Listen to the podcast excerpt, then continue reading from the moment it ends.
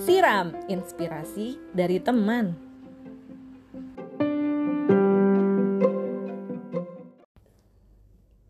Hai Din. Hai Pet. Hai. Hai buat teman-teman yang dengerin. Jadi episode kali ini tuh spesial karena kalau biasanya aku teleponan sama yang jadi narasumber atau guest, kali ini guestnya ada di sebelah aku guys. Namanya Firda Rahmadini. Eh, Rahmadani, Rahmadani. ya. Firda Rahmadani, teman-teman. Jadi eh, karena sekarang Firda ini lagi nginep di kosan aku di Jakarta, jadi aku kayak why not bikin podcast sama Firda gitu. Kalau aku manggilnya Dini ya teman-teman. Jadi ketika uh, seiring aku record ini, aku manggilnya akan Dini bukan Firda kayak gitu. Oke, jadi seperti biasa nih kita selalu kenalan dulu siapa sih Firda gitu. Boleh aku serahkan ke Firda nih, silakan perkenalan. Hai teman-teman. Jadi eh, sebelumnya terima kasih sih buat Tepi. Aku manggilnya sebenarnya Ipet sih. Mm-mm. Udah ngasih ya kesempatan buat jadi salah satu apa ya nyebutnya mungkin bukan guest tapi aku lebih sen- lebih senang kalau disebut kayak temen sharing aja kali ya gitu Asik, karena aku iya. rasa belum se-capable itu juga Mhm. Terus ya perkenalkan eh, namaku Firda Rahmadani. Sebenarnya formalnya sih dipanggil Firda, cuman memang kalau dari keluarga dan teman-teman dekat manggilnya Dini sih gitu. Nggak usah, nggak perlu lah ya penjelasan detailnya. Tadi aku udah jelasin sebenarnya, tapi nggak apa-apa. Dini ya teman-teman Mhm. gitu. Terus sekarang sih eh, posisinya sebenarnya lo- lokasi sekarang lagi di Jakarta, cuman sebenarnya masih di Malang aja sejak lulus S2 kemarin. Terus lagi persiapan insya Allah mau S3 di UAE, Asik. UAE itu apa? United. Arab Emirates. Oke, Eh, jadi buat teman-teman Uni yang Arab. Ah, ah, buat anak teman-teman yang nggak tahu, jadi UAE itu Uni- United Arab Emirates. Tapi kalau versi Indonesianya apa, Din? Uni Emirat Emirat Arab. Arab. Jadi singkatannya beda ya, Din. Yes. Ah, ah. Nah, tapi itu kan kesibukannya Dini sekarang nih, teman-teman. Tapi boleh dong kenalan nih, Firda atau Dini tuh ah, dulu tuh sekolahnya di mana sih? Ah, siapa tahu yang dengerin kan nyambung ya. Oh, Firda ini Firda yang itu toh, gitu loh. Boleh Hmm. diceritain nggak sih, Din? Sekolahnya di mana nih? Mulai SD sampai mungkin ke S2 ya, terakhir S2 gitu. Oke, jadi aku SD dulu di SD Bunorejo 4 Hmm. namanya, Blimbing. Hmm. Terus SMP-nya di SMP 3, SMA-nya SMA 3 Malang ya, Hmm. Malang. Terus kuliahnya waktu itu di S1 Brawijaya University. Jurusannya di Industrial Engineering. Mm-mm. Abis lulus sebenarnya nggak langsung sekolah lagi, tapi milih untuk kerja. Jadi sempet kerja di dua company. Mm-mm. Yang pertama abis lulus banget langsung Mm-mm. kerja di namanya PT Multispun Indojaya di Sidoarjo untuk posisinya manajemen trainee. Oke. Nah, jadi manajemen trainee itu sebenarnya umum sih, mostly biasanya anak lulusan industrial engineering tuh jadi manajemen trainee karena Hmm. kayak di tempat yang lama, company yang lama tuh kayak kita di training emang, jadi dimasukin kayak di macam-macam departemen ada di perusahaan. Mm-mm. Terus ya buat untuk posisi manajerial kayak gitu. Tapi nggak lama, di situ cuma 10 bulan. Oke. Habis itu alhamdulillah dapat kesempatan lebih bagus lagi untuk di Nestle Kejayan Oke, Pasuruan.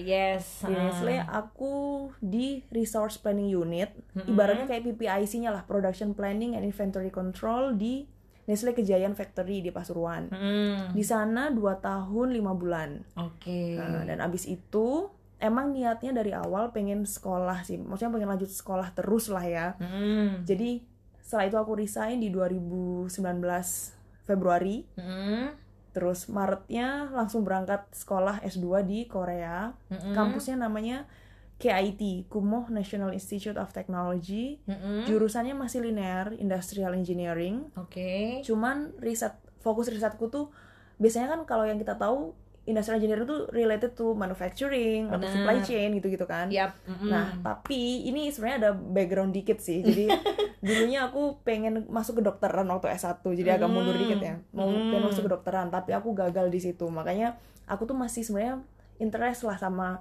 interested sama yang related to medical atau healthcare. Karena itu Mm. waktu S2 kemarin eh, berkesempatan bisa riset lebih dalam tentang eh, disease transmission gitulah. Jadi masih related to ya itu medical ke healthcare itu tadi dan ternyata kok aku nemu passion di situ gitu Mm-mm. nah akhirnya fokus di situ dan untuk S3 ini insya Allah aku juga eh, sempat kontak dengan salah satu prof yang sebenarnya aku pengen beliau jadi supervisorku nanti Mm-mm. itu relatednya juga tetap di healthcare management kayak gitu gitu Oke, oke. Jadi eh, boleh di spill nggak sih kenapa kok tadinya tuh eh, tertarik ke medicalnya, Din? Hmm. Apa sebenarnya tadi kan S1-nya teknik industri kan, Hmm. industrial engineering. Nah, apa sebelumnya pengen masuk ke FK atau gimana sih? Kok ke medical gitu loh?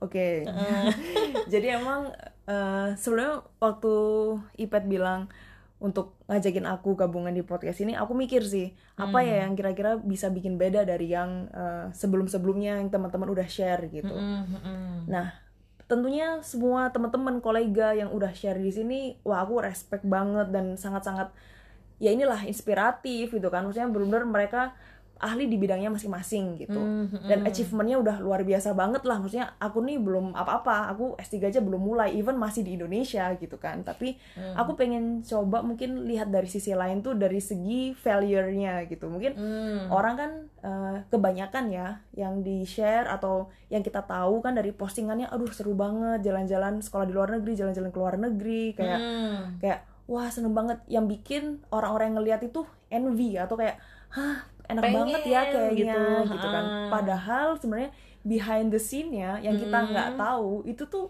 ya, Banyak gitu ya. bisa jadi malah bikin kita tuh nggak mau ke sana nggak mau untuk lanjut gitu Hmm. makanya di situlah aku ngerasa kayak oh mungkin aku bisa bahas dari sisi failure-nya juga sih karena aku juga Hmm. ngerasa untuk achievement udah banyak lah teman-teman yang udah share gitu kan Hmm. seperti itu nah untuk failure sendiri sebenarnya tentunya di hidup tiap orang pasti ngalamin failure Mm. dan aku pun juga kayak gitu dan kenapa eh, maksudku selama aku ini ya hidup ini ya Mm.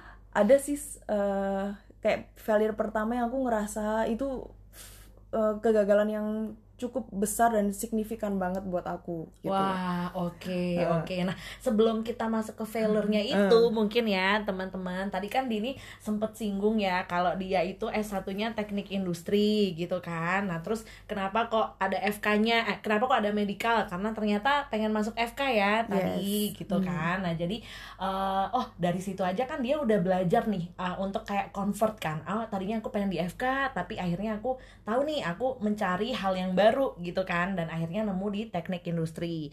Dan tadi Dini tuh mention aku tuh S3 nih belum apa-apa gitu loh. Nah katanya dia gitu ya teman-teman. Tapi bagi kita nih yang nggak yang nggak pengen kuliah yang kayak pengennya kerja aja itu tuh sesuatu hal yang udah oke banget Din. Jadi S3 apa S2 aja udah oke banget. Dan ini dia lagi pursue S3 loh teman-teman. Jadi kayak wow gitu. Itu sebuah pencapaian banget. Dan bagiku ah, jadi temennya Dini nih kayak udah bangga banget gitu loh. Kayak wow gitu loh teman-teman. Jadi kayak eh, ya makanya aku invite juga nih Dini ke podcast ini. Nah terus Dini tadi singgung kan ada failure dan tadi aku bilang contohnya yang jurusan tadi ya FK ke teknik industri.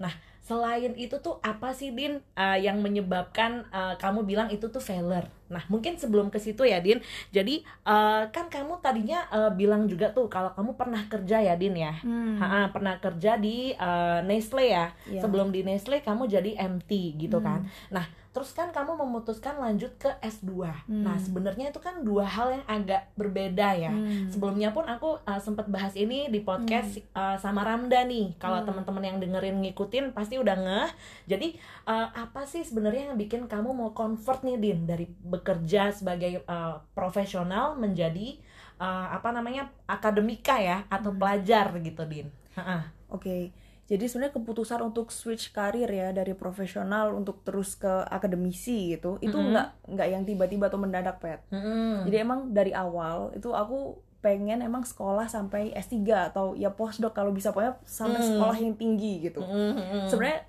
itu dimulai sebenarnya awalnya banget waktu aku SMA. Mm-mm. Itu motivasinya kayak receh banget sih. Itu cuman Mm. gara-gara waktu itu kita disuruh ngisi formulir gitu kan, terus Mm-mm. ngisi oh, ya tentang orang tua gitu-gitu. Mm-mm. Dan waktu itu aku ngelihat ada teman sebelah aku tuh orang tuanya gelarnya dokter. Terus aku kayak wow gitu, keren banget gitu Wah, kan. ya Awalnya cuman berangkat dari situ. Mm-mm. Terus tapi makin ke sini otomatis motivasi untuk sekolah itu sebenarnya bukan gelar makin aku ke sini ya gitu bukan mm-mm. bukan lagi tentang ngomongin gelar gitu cuman awalnya dulu tuh aku inget banget gara-gara itu Mm-mm. Nah, terus eh, untuk bisa sekolah tinggi tentunya kan kita selain nggak nggak bisa cuma mengandalkan maksudnya gini selain kita ya butuh keinginan Mm-mm. terus didukung juga tentunya tentang eh, dengan eh, financial Mm-mm, ya kan oke. untuk untuk keuangan gitu karena betul walaupun ya memang ada sih yang mereka eh, memakai biaya sendiri atau dari orang tua Mm-mm. tapi kan kalau di kasusku aku alhamdulillah dapat beasiswa Mm, alhamdulillah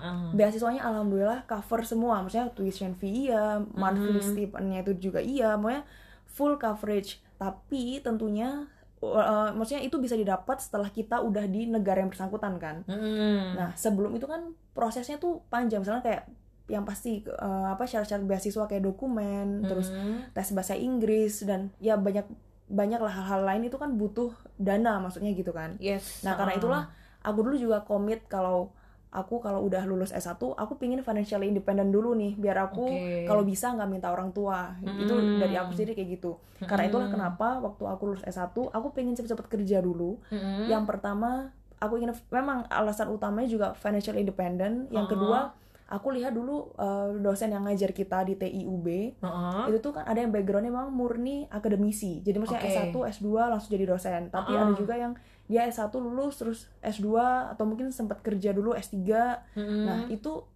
aku rasa eh, beliau lebih kayak apa ya aplikatif terus karena Hmm. beliau ngerti langsung kan aplikasi di di industri itu kayak apa sih gitu jadi kan lain ya ketika Mm-mm. ngajar nah karena itulah aku pikir oh ternyata pengalaman kerja itu juga penting karena apa yang kita pelajari di sekolah itu Mm-mm. paling cuman ya 30% Mm. ya kan untuk di aplikasi di Mm. industri tuh beda banget gitu betul karena itulah aku rasa penting juga nih kalau aku coba kerja selain ya tentunya itu tadi untuk persiapan beasiswa tapi juga Mm. pengalamanku untuk ya enrichment lah Oke, gitu. jadi itu sebuah rencana yang memang kamu atur dengan matang ya, Din. Aku nangkepnya, nggak yang ujuk-ujuk. Karena gini, kan orang, Hmm. oke mereka dari dulu peng, udah tahu nih, aku pengen sekolah tinggi. Tapi Hmm. kebanyakan dari mereka ya udah apply aja sesuai yang mereka mampu. Nggak ada Hmm. tuh kayak yang rencana matang. Oke, I have to be financially independent, and Hmm. then aku aku ngeliat nih ada dosen yang kayak ketika dia udah kerja dulu, jadi kayak gini. Maksudnya aku mendengarkan ceritamu tuh kayak, wah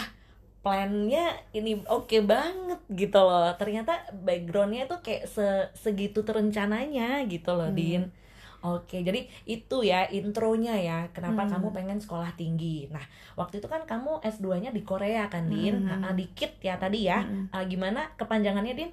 Kumoh National Institute of Technology Oke, panjang ya. Hmm. Panjang. Nakumo National Institute of Technology. Nah, Hmm. eh, pertanyaannya, why Korea, Din? Hmm. Ah, ah, waktu itu. Nah, ini aku udah lumayan pengalaman nih, Din, Hmm. Ah, ngobrol sama guest yang sebelumnya kan. Ada Hmm. yang memang faktor karena eh, topik penelitiannya nyambung. Hmm. Ada yang memang eh, tertarik dengan lokasinya gitu Hmm. kan. Nah, kalau kamu apa reasonnya? Oke, jadi Ah, ah. reasonnya pertama sih emang eh, aku pengen dari dulu ya dari aku masih SMA itu emang pengen sekolah di luar Mhm. negeri gitu karena Mm-mm.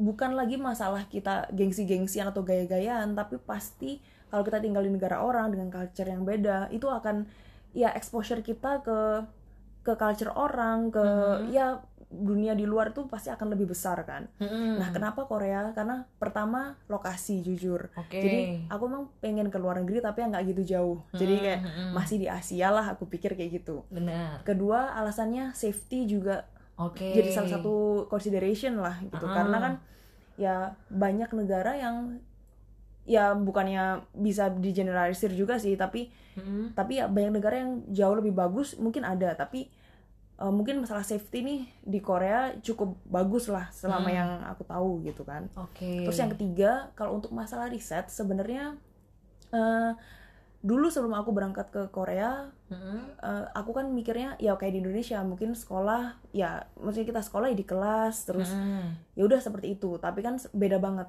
kalau Hmm. jadi kalau kayak di Korea terus kayak misalnya di Jepang atau di beberapa negara lain kayak Taiwan kita S2 tuh eh, nggak cuman di kelas Mm-mm. tapi lebih ke riset jadi kita Oh. kayak orang kerja kita juga punya kerja di lab kita dikasih Mm.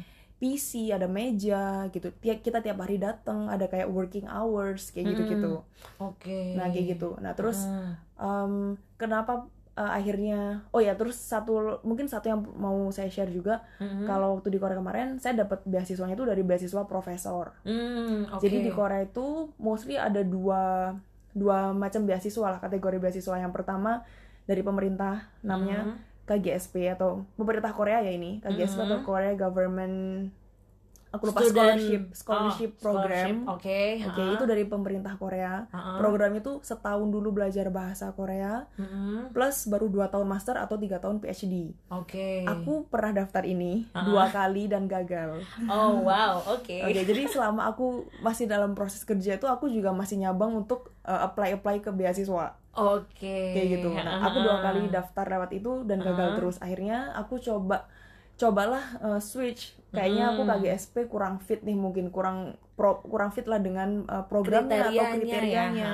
Oke. Akhirnya ada lagi yang satunya dan ini kebanyakan uh, mahasiswa Indonesia atau mahasiswa dari luar negeri keterimanya di sini beasiswa profesor. Jadi Oke. Kenapa disebut beasiswa profesor? Karena memang ya semua itu profesor, maksudnya profesor yang membiayai kita, terus yang Hmm. ibaratnya jadi supervisor kita gitu loh di Hmm, sana. hmm.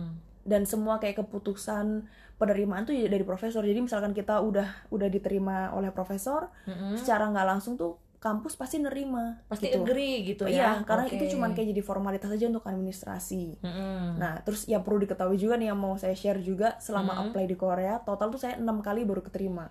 Wah, apa aja tuh Din? Tadi kan dua udah tahu ya tuh. dua yang Ha. beasiswa pemerintah Ha-ha. terus akhirnya yang empat itu ya aku apply maksudnya nyari profesor Ha-ha. cara nyari profesornya gimana ya mesti milih kampusnya satu-satu bukain profile profilnya satu-satu Wow. kayak gitu jadi kita cari mana yang kira-kira cocok sama kita kita kontak by email Ha-ha. ada yang cuma di read ada yang ya nggak dibales terus oh, ya wow. ada ditolak sampai akhirnya waktu keenam kalinya itu alhamdulillah saya diterima Wah, jadi kayak cari jodoh ya, Din ya. Literally kayak dibuka satu-satu. Kemudian pasti ketika kamu lihat profil profesornya kan ada ada fotonya kan pasti. Iya, jadi iya. mungkin ya uh, selain kamu lihat backgroundnya, kamu lihat orangnya juga ya. Kira-kira nih fit nggak ya sama aku gitu ya. Mm, mm, mm. Oke, jadi uh, reasonnya kayak gitu ya, Din ya. Mm-mm. Kenapa memilih uh, kuliah S2 di Korea? Mm-mm. Nah, uh, Korea ini kan kita tahu tuh Din uh, adalah destinasi favorit ya, entah untuk liburan Hmm. atau untuk belajar sama kayak kamu kemarin Hmm. gitu kan.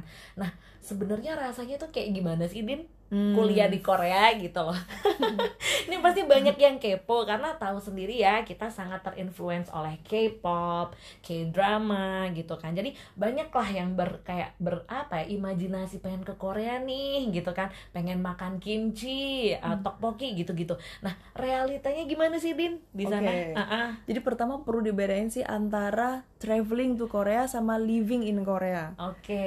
Beda kan? Kalau Ah. traveling karena judulnya traveling, jadi kan Hmm. untuk apa ya tujuannya untuk seneng-seneng gitu. Ya. ah, ah. Dan karena kita pun kalau traveling nggak akan lama kan, paling kayak seminggu dua minggu. Jadi pasti mostly orang-orang akan seneng dan pingin balik dan ah, ya gitulah. Apalagi kalau emang dia suka nontonin drama atau apa, pasti jadi kayak wah aku bisa pergi ke sini, bisa pergi ke situ gitu kan. Hmm. beda lagi kalau living in Korea gitu ya Hmm. sama aja uh, even kita tinggal di Indonesia pun ya maksudnya home country kita juga sesenang-senangnya kita pasti ada yang kita nggak suka gitu kan nah untuk di Korea sendiri uh, tiap negara sih semuanya pasti ada plus minus Benar. khusus untuk yang di Korea Heeh. plusnya itu tadi yang pertama safety jelas kan Oke. transportasi oke banget Mm-mm. terus banyak destinasi wisata dan emang mereka ngemasnya tuh bagus jadi emang untuk traveling pasti enak gitu loh Mm, kita mm-mm. nggak punya mobil pun di sana pakai public transport tuh nyaman banget murah on time Mm-mm. enak lah gitu makanan juga sebenarnya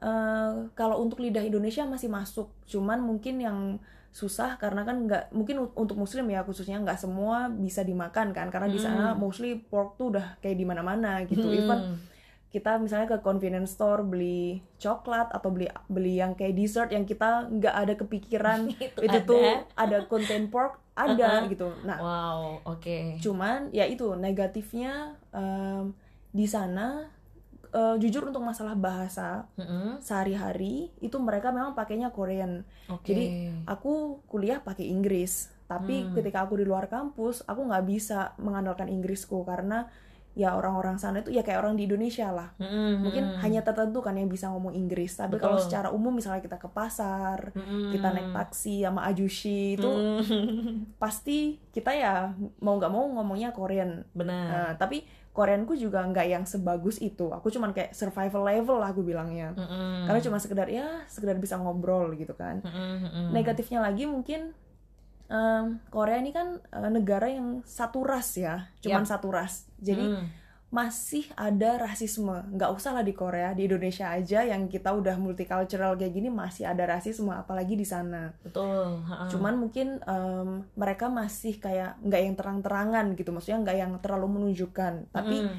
adalah mereka ngomong in Korean yang mereka assume kalau foreigner itu nggak ngerti mereka ngomong apa padahal Oh. adalah aku kadang Oh. ada yang tahu teman-temanku juga kayak gini kok gitu. rude banget ya, Ya, kasar gitu, ha-ha. Eh, kayak gitu. Jadi kalau nanggepin kayak gitu sih aku mikirnya ya udah bawa santai aja. Karena Hmm. ya aku kayak ya kita memaklumi mereka. Mostly yang kayak gitu itu kan biasanya mungkin Hmm. belum pernah belum terekspos dengan dunia luar banget. Terus mereka ya tinggal di dalam situ aja. Jadi kayak ya udah mereka merasa ya rasnya tuh ya seperti ini gitu. Hmm, ras lain hmm. mungkin kurang seperti itulah. Mm-mm. kayak gitu. Jadi aku sih nggak anggap eh, maksudnya nggak nggak ambil hati nggak ya. ambil hati kayak Mm-mm, gitu. Ya udah biasa aja gitu. Tapi memang ada beberapa yang jadi ya offended atau malah kayak kok gitu? Gitu. Mm-mm, Jadi, oke.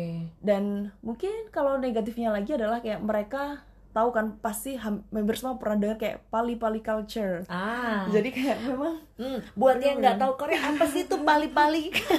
buat yang sering dengerin Korea ya pasti udah tahu lah cepet-cepet gitu kan. Hmm. Nah ini aku udah spill ya artinya cepet-cepet cuma arti formalnya tuh gimana sih? Hmm. Atau kayak makna culture pali-pali itu apa hmm, gitu? pali-pali itu literally artinya cepet-cepet jadi Ah, dalam semua hal even yang aku kasih contoh yang simple kayak keluar taksi aja turun taksi ah. kalau di Indonesia kan kita misalnya naik grab nih turun Ah. kita bayar ya udah santai aja gitu kan ya kalau di Iya, sana bener. literally aku belum turun taksi aku udah keluarin kartuku karena mostly cashless kan aku hampir nggak punya cash di sana Oke. terus sambil aku kasihkan kartunya ke ajushi taksinya aku udah buka pintu Oh. udah literally kayak gitu seatbelt udah dilepas buka pintu begitu bapaknya nanti nerima apa abis abis Cardnya. proses dan Uh-uh. kasih ke aku lagi aku udah langsung keluar kayak gitu Oh. memang nggak semuanya kayak gitu cuman Mm-mm. terutama kalau lagi pergi ke kota yang besar ya kayak Seoul pasti mereka kayak ya gitu ayo pali-pali kayak gitu Hmm. jadi kalau Oke. kita nggak bisa nggak ada yang namanya mesti jalannya pelan-pelan tuh nggak ada orang jalan biasa juga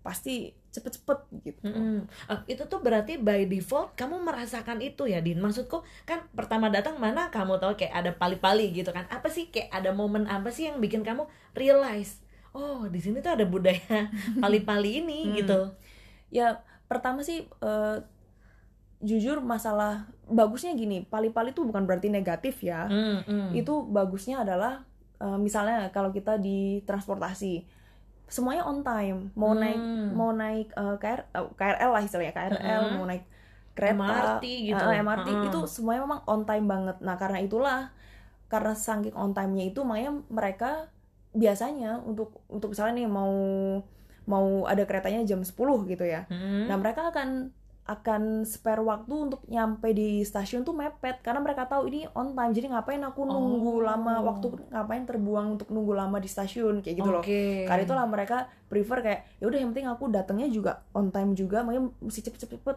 kayak Uh-uh, gitu. That's why ada pali-pali ya karena Pali-pali. mereka sudah memperkirakan Heeh. kok uh, jadi sorry jawanya keluar nih teman-teman jadi kayak oh aku tahu nih aja aku punya waktu 15 menit kan jadi Hmm. ketika aku naik taksi atau naik apa Hmm. harus di dalam range waktu itu Benar. makanya kayak mereka secara nggak langsung udah terjalani tuh budaya pali-palinya teman-teman Dan itu gitu. nggak cuma di transport kayak misalkan be- sorry, bukan bedal, apa Ah. namanya? Eh, delivery food Nah, ah ini ah, ah. gitu. Itu tuh kayak Gojek ya? Ya kayak Ah, GoFood gitu. GoFood ya benar. Kalau mungkin nggak semuanya lagi-lagi nggak semuanya. Cuman Mm-mm. ada lah beberapa yang aku kayak pernah pesen GoFood tuh udah mulai lapar sampai kenyang lagi gitu kan. Karena nungguin sampai sejam lebih. Oh wow oke. Di sana tuh kayak kurang dari setengah jam udah pasti udah diantar. Kayak gitu. Malah kalau kayak ya ada yang cuma kayak 15 menit udah diantar kayak gitu loh. Itu tuh dimasak kan? Dimasak. Tapi ya itu tadi karena budaya pali-palinya mereka tahu kalau orang tuh nggak suka nunggu lama nih Ah, gitu. oke oke oke. Gitu, jadi negat itu positifnya ya. Jadi kita kayak nggak membuang waktu. Negatifnya mungkin jadinya eh, kurang tolerir dengan adanya yaitu misal fleksibilitinya kurang. Oke. Contoh mungkin kalau kita janjian sama teman terus abis itu kita telat kan oh ya udah santai aja gitu. Kalau Mm, di kita sambil Indonesia. nunggu gitu. ha-ha, gitu kan. Nah, dan aku pernah ada teman Korea yang aku janjian nih sama dia. Hmm, ya aku sih berusaha datang on time ya. Maksudnya aku juga nggak mau aku tahu mereka juga orangnya on time. Tapi hmm, kurang 10 menit dari waktu kita janjian dia udah nanya hmm. aku udah nyampe nih kamu di mana? Itu yang waktu itu pertama kali aku kayak shock Hah ini masih kurang 10 menit lagi loh gitu. Oke.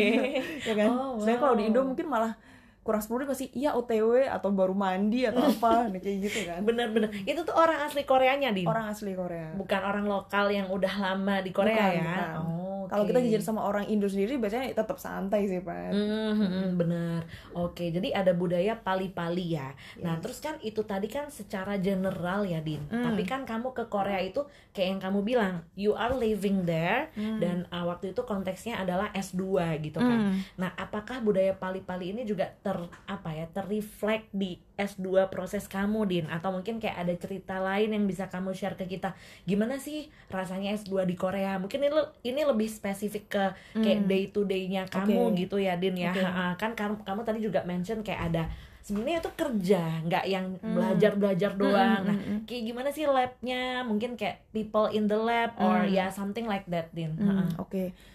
Jadi yang aku tahu memang Korea ini berdasarkan data ya, dia salah satu negara yang memang dana risetnya itu termasuk yang tertinggi di dunia Mhm. gitu dan aku sadar banget pemerintahnya bagus sih dengan hal kayak gitu karena mereka tahu mereka secara sumber daya kan sebenarnya kayak nggak punya apa-apa kasarnya kan gitu kan Betul. mereka maksudnya sumber daya secara alam kan mereka nggak punya beda banget sama Indo Mm-mm. karena itulah secara naturally orang-orangnya tuh kayak ya mesti kerja keras lagi untuk bisa survive gitu Mm-mm. apalagi ditambah empat musim mereka punya empat musim di mana winternya tuh bener-bener winter banget yang sampai minus 20 yang sampai kayak gitu gitu Dingin banget ya. Ha. karena itulah ya mungkin itu salah satu faktor juga kenapa mereka kehidupannya pali-pali karena kalau zaman dulu mereka eh, bekerja nih kayak bertani atau apa kan cuma berapa bulan abis itu selama winter mereka nggak bisa kerja gitu kan Mm-mm. Yes. nah karena itulah karena mereka sadar akan hal itu gitu dan jadi pemerintahnya coba untuk gimana untuk develop untuk bangun negaranya ya salah satunya dengan memperbaiki kualitas pendidikan Oke. memperbaiki kualitas sumber daya manusianya dengan itu kan baru bisa growth gitu bisa develop gitu kan Mm, mm-mm. Nah, karena itulah kenapa mereka bisa punya dana riset yang besar sehingga bisa eh, kasih beasiswa untuk international students atau ke local students. Mm-mm.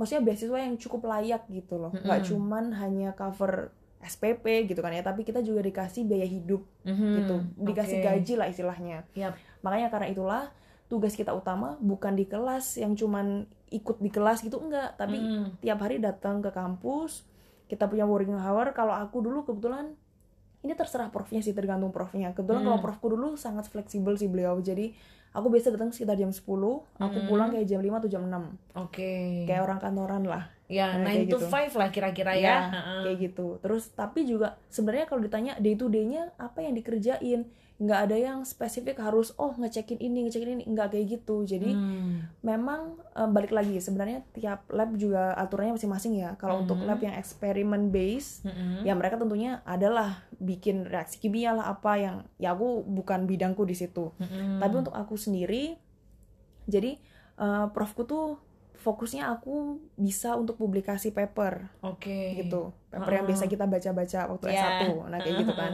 Yes. Nah, untuk publikasi itu kan pastinya butuh masalah, metode, gimana kan desain masalahnya gimana, metodenya gimana, Mm-mm. terus nanti penyelesaiannya seperti apa, sesignifikan apa uh, kontribusi kita.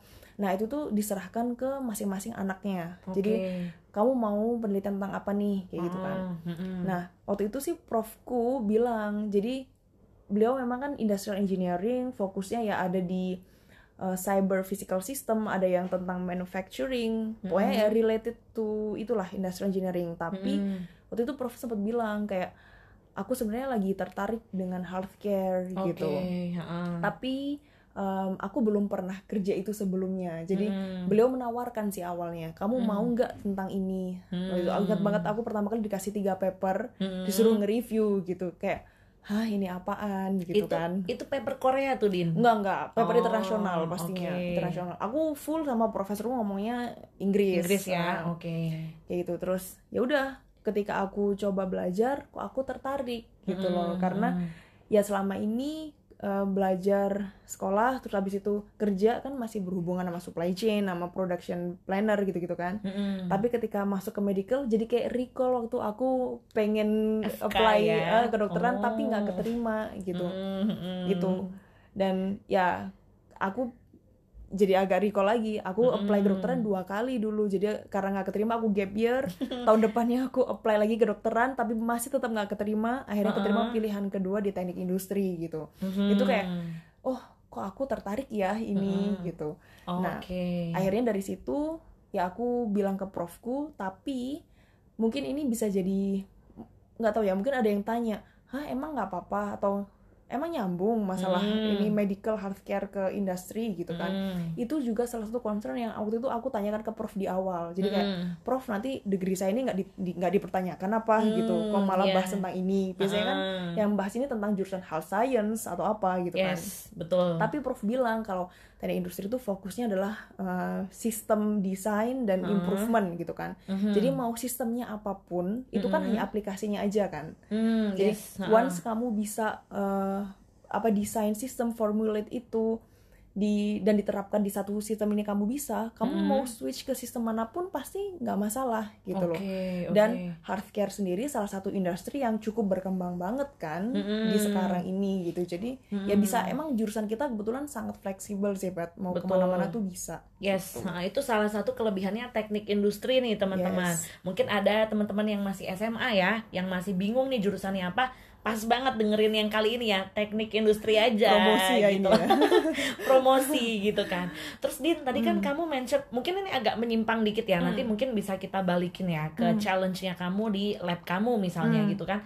Nah, kan kamu tadi mention ini tentang health healthcare kan. Hmm. Dan waktu itu kamu berangkat 2019 kan. 19. Ah, ah. nyampe sana corona nggak sih Din? Eh. covid kan nah jadi kayak kayaknya nyambung deh kalau nggak salah aku denger kamu sempet kayak cari data covid gitu-gitu Iya. kan kayak kayak in the moment banget nggak sih waktu Jadi- itu din Heeh. Kebetulan waktu nyampe Korea kan 2019 belum Covid, Pat. Mm-mm. Tapi Oh, pas bener udah sih. hampir setahun di sana 2020 Covid kan. Mm-mm. Nah, jadi ya sebenarnya corona jadi salah satu inspirasi saya oke bener ya untuk bisa saya jadi bisa publikasi jurnal gitu. Jadi memang Hmm. memang lagi-lagi untuk waktu S2 aturan tiap negara beda, tiap sekolah beda, tiap lab pun beda gitu kan. Mhm. Kebetulan kalau dari Prof waktu itu fokusnya saya di encourage banget Mhm. untuk bisa publikasi gitu. Walaupun sebenarnya untuk lulusan S2 tuh nggak wajib. Biasanya Oke. S3 yang diwajibkan publikasi. Mm-mm. Kalau S2 itu yang penting kamu conference, terus kamu ya udah tesis, udah gitu kan. Mm-mm. Tapi ya alhamdulillah sih karena prof saya bisa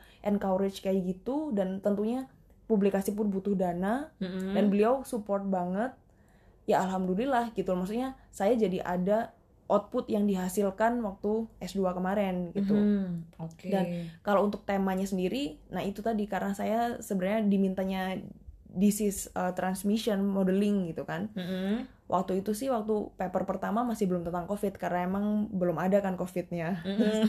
begitu tahun depannya ada covid jadinya malah eh, dianggap penelitian saya itu real time gitu Ah, karena kan iya bener. dan relevan banget sama yang emang lagi ongoing terjadi gitu Mm-mm. Mm-mm. jadi ya sudah setelah selain paper fokusnya itu yang lain eh, kita dapat kesempatan untuk conference Mm-mm. jadi conference tuh biasanya eh, sebulan enam bulan sekali sorry enam bulan sekali Mm-mm. dan di conference tuh sebenarnya malah kalau di Korea ya kodoknya kodoknya kayak jalan-jalan berkedok conference Oh karena gitu iya jadi pokoknya kita bikin pep, bukan paper sih cuman kayak short paper dua lembar gitu aja terus Uh-uh. kita submit nanti kan conference-nya pasti di ganti-ganti nih tempatnya ya udah kita Hmm. sekalian jalan-jalan ke sana cuman presentasi habis itu ya udah kita bonus bisa jalan-jalan kayak gitu sih Oh, jadi oke. seneng maksudnya pengalaman S2 waktu kemarin Mm-mm. untuk orang yang memang suka akademik kerasa akan seneng sih Mm-mm. Nah. karena dapat dua itu tadi ya Din ya Mm-mm. Uh, apa pelajarannya atau uh, ilmunya dapat Mm-mm. yang kedua jalan-jalan tuh bonusnya Mm-mm. kan gitu kayak gitu Oke, jadi kayak waktu itu akhirnya dianggap kamu jus- justru real time ya, Din ya, membahas Mm-mm. tentang COVID, pokoknya Mm-mm. yang uh, medical related gitu ya. Mm-mm. Oke, mungkin kita balik lagi nih, Din, ke yang Mm. tadi challenge ya. Jadi kan di lab itu nggak mungkin semuanya indah dong, Din. Hmm. Ada nggak sih challenge-nya? Khususnya kayak kan kamu tuh pasti kerjanya sama orang Korea juga kan. Hmm. Uh, jadi apakah ada kayak perbedaan culture kah atau apa? Hmm. Mungkin bisa di-share dikit nih ke kita, Din. Hmm. Ha-ha. pastinya ada jadi senang senangnya kan tadi yang udah di share ya senang senangnya Mm-mm. kayak bisa jalan-jalan apa dapat gaji gitu kan. bener lagi-lagi karena tema kita tuh lebih ke sharing failure tadi itu. Bener-bener ha. kayak behind the scene ya. Iya. Ha-ha. jadi eh, yang mau aku share mungkin gini sih. Eh, pertama perbedaan budaya itu pasti ada gitu walaupun kita masih sama-sama Asia Hmm. tapi orang sana memang cenderung lebih individualis gitu maksudnya beda banget sama orang Indo yang suka ngobrol apa di tempat Hmm. kerja juga seru-seru gitu kan Mm-mm. di sana ada maksudnya ada teman-teman yang seperti itu juga ada gitu tapi ada juga yang memang kayak individualis kayak ya udah pak kita ketemu satu lab kan satu ruangan tuh nggak cuma aku aja kan Mm-mm. semua kebetulan aku foreigner sendiri di jurusan. Jadi semuanya Korean gitu. Oh, oke. Gitu. Ya ada yang cuman kayak sekedar dateng nyapa sama pulang pamitan. Udah di tengah-tengah itu kita nggak ngobrol. Ada yang kayak gitu. Tapi Oke. ya ada juga yang kita di tengah-tengah lagi bosen. Pasti kan Hmm. ya di dalam lab bosen juga kan. Ya kita Hmm. ngobrol santai-santai. Jadi ya masih relax kayak gitu. Dan Hmm. plus minusnya mungkin jadi kayak improve bahasa masing-masing. Hmm. aku nggak bilang aku apa polyglot atau apa ya karena Mhm. Inggrisku malah di sana turun justru iya turun dan Koreaku juga nggak improve improve banget gitu. Tapi maksudnya at least uh, temanku di sana yang awalnya tuh ngobrol sama aku selalu pakai translator. Makin ke sini Ah. tuh dia makin jago Inggrisnya. Oke. Dan aku pun juga yang awalnya masih tiap mau ngomong aku ketik dulu di translator Hmm. biar dia tahu bahasa Koreanya apa. Terus aku yang mulai switch jadi ngobrolnya jadi kayak Konglish gitu Korea English. Serius? Biasanya kan Singlish ya teman-teman. Ini Konglish ya. Iya, serius, dan serius. it's real ya Din. Maksudnya Iya, ada serius. istilah Konglish nggak tahu sih ya cuman aku nyebutnya Hmm. kayak Konglish karena emang bener-bener aku ngomong udah nggak ada grammar sama sekali. Yang penting kan Oh. aku mikirnya waktu itu yang penting bahasa kan kita saling ngerti aja kan. Nggak boleh. Ah ini out of kayak ini kayak hiburan doang. Contoh dong nih satu kalimat Konglish ada nggak sih? Biar teman-teman apaan sih Konglish? gitu. Contoh aja gitu let's say aku teman Koreamu gitu Ah, Ha. contoh kayak misalkan gini em, kafe mungkin beli kopi gitu apa sih ya bisa Ah. sih kayak misalkan kayak eh, apa ya misalnya kayak biasanya kalau aku nyapa kan tiap pagi mesti kayak annyeonghaseyo gitu kayak gitu kan. Ah, kayak gitu terus abis itu eh, sebenarnya kalau yang untuk simbol-simbol gitu aku akhirnya switchnya ke Korean semua cuman kalau kalau untuk yang kita bahas yang lebih serius misalkan tentang administrasi lab atau apa ya aku paling kayak eh, this is Gwencana kayak Oh. gitu Oke oke Nah, oke kayak gitu-gitulah. Wow, Hmm. oke oke. Buat yang nggak tahu ya, lagi-lagi nih kan yang dengerin nggak semua suka Korea Iya. ya. Gwencana itu apa sih Din? oke Oke, ya, artinya. ya. Heeh. Sebenarnya kayak is it okay kayak gitu tapi kan this is Gensana.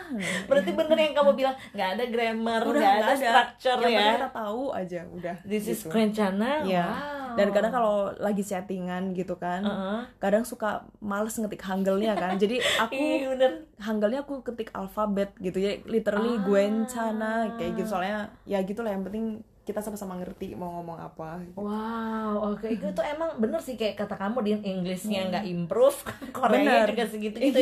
Jadi kayak ah oke aku dapat gambarannya ya. Oke oke oke. Jadi salah satu challenge-nya itu ya Din. Ah, dan kayaknya challenge tapi in the end jadi kayak poin plus kan. Kamu kayak improve Koreamu juga ya di satu sisi walaupun dengan style yang seperti itu kan.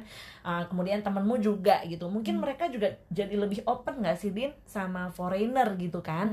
Nah, apalagi tuh Din? Ada ada apa ya? Apa cerita yang bisa di-share nggak sih selain itu? cerita Ah, ah, cerita mungkin kesusahan gini ketika kita ngerjain S1 aja skripsi kan kayak pasti ada downtime-nya gitu nah S2 tuh apakah kamu saking memang itu passionmu kamu semangat nih Oh. selalu atau kamu ada nggak sih kayak stucknya gitu Hmm. kayak aduh gimana nih Hmm. dataku Oh, kayak iya, iya, gini iya. gitu. Hmm. dan dan FYI nih teman-teman aku kan kenal Dini dari lama banget tuh dari SMP 3 yang tadi dia mention kan. Dini tuh apa ya pembawaannya tuh chill gitu teman-teman. Kayak santai gitu loh. Jadi kayak aku bayangin ini wah ini jangan-jangan Dini nih S2 nya happy. Terus sementara kan kita yang kerja atau mungkin di Indonesia ini kayak ada aja stresnya kan? Atau kalau enggak kita anxious cemas gitu kan. Nah penasaran aja apakah Dini merasakan ini ketika Hmm. di Korea gitu Heeh. pastinya pet jadi Ah. maksudnya eh, kita sekolah S1 aja susah gitu kan Mhm. ya S2 pasti lebih susah gitu Mm-mm. kalau untuk apa sih mungkin eh, lowest point waktu S2 gitu kali ya mungkin mungkin in ya terms heeh. of academic ini ya gitu in terms of academic jadi ada tuh waktu itu disuruh prof untuk ceritanya aku udah selesai bikin paper pertama terus Mhm. sebelum paper yang covid itu Mm-mm. covid belum ada soalnya Maya thanks to covid menyelamatkanku dari keterpurukan gitu karena benar-benar itu lowest pointku sebelum paper yang covid jadi Mhm. dimintalah waktu itu lagi-lagi prof bikin lah ngide emang Mm-mm. ada nih eh, metode baru nih kebetulan gini jadi kalau untuk risetku tuh lebih ke kita computational gitu jadi simulasi dengan software Oke, gitu kan heeh. terus em, prof adalah bilang ini lagi banyak lagi- banyak yang ngembangkan nih metode ini coba Mm-mm. deh kamu pakai atau adaptasi lah metode ini kayak apa kembangkan Mm. dengan ya algoritmamu sendiri gitu Nah, waktu itu Mm. sempatlah aku coba-coba sampai kayak 3 atau 4 bulan aku stuck di situ karena codingku error terus. Oh, oke. Jadi ya FYI juga kalau kebetulan dari S1 S2 eh, risetnya memang berkaitan sama ngoding-ngoding ya. Mhm. Jadi codingku tuh error terus sampai aku nggak ada progres intinya. Hmm, nggak ada progres padahal karena aku penerima beasiswa kebetulan waktu itu nama beasiswanya itu B- BK21 plus jadi Brain Korea 21 plus untuk usia 21 plus Oke, heeh. itu kita mesti ada achievement tiap semester yang kita mesti kumpulin jadi Hmm. kalau misalkan kita nggak ada achievement lah nih anak ngapain dikasih beasiswa kan gitu nggak ada kontribusinya gitu yes, kan yes, yes. heeh. nah untuk yang kan sebelumnya udah ada paper jadi udah ada achievement nih. Yang semester ini apa? Kok belum ada? Gitu. Nah sedangkan aku stuck banget di coding. Jadi tiap tiap ini biasanya kan kita suka ada weekly meeting atau bi-weekly meeting terserah kita. Kita yang Betul, ngatur sendiri sama prof. Mau monthly meeting juga terserah. Jadi Mm. profku kebetulan alhamdulillah ngikutin style anaknya. Lebih suka yang kayak apa. Oh. ada yang sukanya malah langsung aja prof sebulan sekali gitu Oh. ada yang suka dua minggu sekali terserah nah Mm-mm. waktu itu aku lebih suka yang style seminggu atau dua minggu sekali Oke. jadi biar kalau misalnya masih ada salah tuh aku nggak terlalu jauh masih bisa dibenerin gitu loh Mm-mm. Nah, waktu itu aku nggak ada progres kayak 3-4 bulan itu ngerasa aku lowest point banget Mm-mm. dan poin lagi adalah selama aku di sana kemarin sempet profku tuh aku nggak bilang apa namanya profku ada project lah Mm-mm. di US Mm-mm. jadi aku ditinggal di US Oke. Nah, di kampus prof dulu waktu kuliah S3 Heeh. ditinggal ke US tuh sebenarnya niatnya cuma kayak 3-4 bulan Oke. mulai Januari 2020 itu Heeh. sekitar 3-4 bulan Mm-mm. taunya corona jadinya prof juga nggak bisa balik ke sini jadi total aku tuh setahun ditinggal Serius. jadi selama setahun tuh aku online kuliahnya maksudnya aku mau Ah. meeting sama prof ya online revisi-revisi paper ya online kayak gitu Oke, ini nih kayaknya kamu nggak pernah cerita ke aku nih, Din, yang Iya, ini iya, nih. Jadi aku kayak, wah, wah, kamu udah ke Korea pun masih ditinggal masih ya. ditinggal Padahal kamu, setahun itu iya, gitu. padahal kamu menghampiri dia loh. Iya, Itu aja, oke. gara-gara corona kan, jadinya Ah, ah, ah. dan US parah banget kan dulu, jadi nggak bisa ke sini gitu. Hmm, Jadi prof baru balik tuh Januari 2021, which is itu aku udah graduate sebenarnya udah udah tinggal mau balik ke Indonesia kan. Oke, oke. Itu jadi nah udah mana kasarnya ditinggal gitu kan ya. Ah, ah. Kan tapi sebenarnya ditinggal bukan berarti secara fisik aja sih. Ah, ah, Tetap ah. kita meeting masih rutin. Mm-mm. Cuman ya itu aku ngerasa kok kodingku stuck banget ya prof gimana nih gitu. Akhirnya prof gue ngelihat kayaknya nggak bisa diterusin juga kayaknya mentok gitu kan Mm-mm. akhirnya eh, prof bilang kamu ada ide lain nggak gitu terus aku langsung itu kan prof ini kan lagi corona prof gimana kalau kita bahas tentang ini terus Mm. ya akhirnya dari situlah gitu maksudnya bisa mulai bangkit lah walaupun ketika ngerjain paper yang corona pun ya pasti ada kesulitan-kesulitan ya coding-coding Hmm. error tuh pasti ada ngumpulin datanya Hmm. itu juga salah satu yang challenge karena kan datanya masih ongoing nih Betul. padahal biasanya kita kalau bikin kan data udah ada Hmm. kita running kayak gitu kan Nah, historical ya. Iya. Ah, ah, oke. kayak gitu jadi ya pastinya sekolah pun nggak ada maksudnya nggak seneng-seneng atau yang kita lihat foto-foto update di Instagram yang jalan-jalan seneng-seneng enggak behind the scene yang kita Hmm. ngoding sampai pagi ya itu tuh pasti ada lah kayak gitu Ah, oke. Karena gini ya, kalau ini kan eh, yang tadi Dini bilang, eh, kalau orang eh, ngelihat updateannya kan bisa jadi salah paham ya. Dan itu memang terjadi teman-teman. Maksudnya salah paham tuh kayak, wih enak banget hidupnya dia ya. Kayak Dini nih, kan dia tuh punya second account nih. nggak apa-apa ya, nggak apa-apa ya kita spill ya. jadi dia tuh ada dua akun Instagram teman-teman. Ada yang eh, memang punya dia nih, eh, yang eh, Firda Rahmadani gitu ya. Ada yang Firda, eh, aduh lupa nih, Firda SCHL gitu loh. FRD SCHL. Nah, jadi tujuannya apa dia bikin? Karena dia tuh sering update tentang Korea di situ. Jadi biar nggak spamming gitu loh. Nah, jadi ini hanya uh, intermezzo ya teman-teman. Jadi ketika aku ngelihat itu aku kayak, wih enak ire Dini gitu kayak enaknya ya hidupnya udah ke Korea. Itu kayak destinasi idaman, foto-foto, ada salju, ada bunga yang bagus nih nggak ada di Indo. Jadi kalau kita ngelihatnya gitu, pasti kita akan iri ya. Kita ada muncul perasaan envy gitu kan. Eh, tapi ternyata Dini mengalami stres kayak kita juga gitu loh. Nah ini nih yang sering nggak nggak ke cover ya, Din nggak Hmm, yang nggak yang terungkap, ya kok ke cover sih sorry ke nggak terekspos gitu loh. Orang mana tahu gitu loh. Dan kalau aku nggak nanya kayak gini juga Dini nggak akan cerita ke teman-teman gitu kan. Nah jadi eh, itulah sih. Jadi kayak selalu ada kecemasan, mungkin ada failure failure juga kan di situ gitu loh. Jadi ya ini karena ini topik kita hari ini ya Din ya. Jadi kayaknya kita harus fokusin ke situ kan gitu. Oke oke oke, lanjut Din. jadi sebenarnya mungkin perlu digarisbawahi bukannya nggak mau share tentang failure lebih ke em, gini kita nih dalam posisi stres nih ya lowest point apa nih stres apa? Masa iya kita masih sempet ngefoto kondisi kita lagi coding error terus kita upload. bener. itu kayaknya enggak makanya lebih ke pas seneng kita akhirnya otomatis kan pengen nih direkam gitu kan biar jadi memori kita share. Padahal sebenarnya ya itu tadi ya seneng juga sih dengan kayak gini kan eh, teman-teman jadi punya point of view yang baru kalau ya nggak cuma seneng-senengnya aja gitu. Benar, mesti siap benar. menerima di lowest point-point itu gitu. Mhm. Jadi apa pun yang kita lakukan tuh pasti ada positif negatif ya Iya, Din. benar. Mau apa pun lah, mau kerja, mau kuliah apa. Jadi selalu ada teman-teman. Jangan melihat rumput tetangga tuh jauh lebih hijau. Pasti ada cerita di baliknya gitu loh. Oke Din. Ada lagi nggak kira-kira Din? Atau kurang lebih itu tuh yang kamu rasain di lab kamu? Kalau di S2 kayak itu sih ya karena udah sih maksudnya plus minus lowest point pun udah Mm-mm. udah sih so far kayak gitu terus sampai akhirnya udah bisa lulus kemarin per Februari 2021 Mm-mm. dan kondisi masih covid jadi balik Indo masih harus karantina kan di Wisma Atlet Mm-mm. Dan Berapa lama Din waktu waktu itu? itu untungnya baru cuma empat hari Ah, Nah, cuma empat hari Ah. untungnya nggak separah sekarang kan Berarti udah tahu ya Wisma Atlet kayak gimana dalamnya ya? tahu lah Oh, Oke, jadi oke, jadi kamu selesai di Korea, balik ke Indonesia ya Din ya. Nah balik ke Indonesia pastinya ke Malang ya Din. Mm-mm. Ah, ah. Dan eh, info juga buat teman-teman, aku pun kan lagi WFH nih sampai sekarang. Ah, jadi eh, kantorku kan e-commerce, jadi fully bisa dilakukan lewat eh, WFH. Ha, ah, dari rumah nggak apa-apa.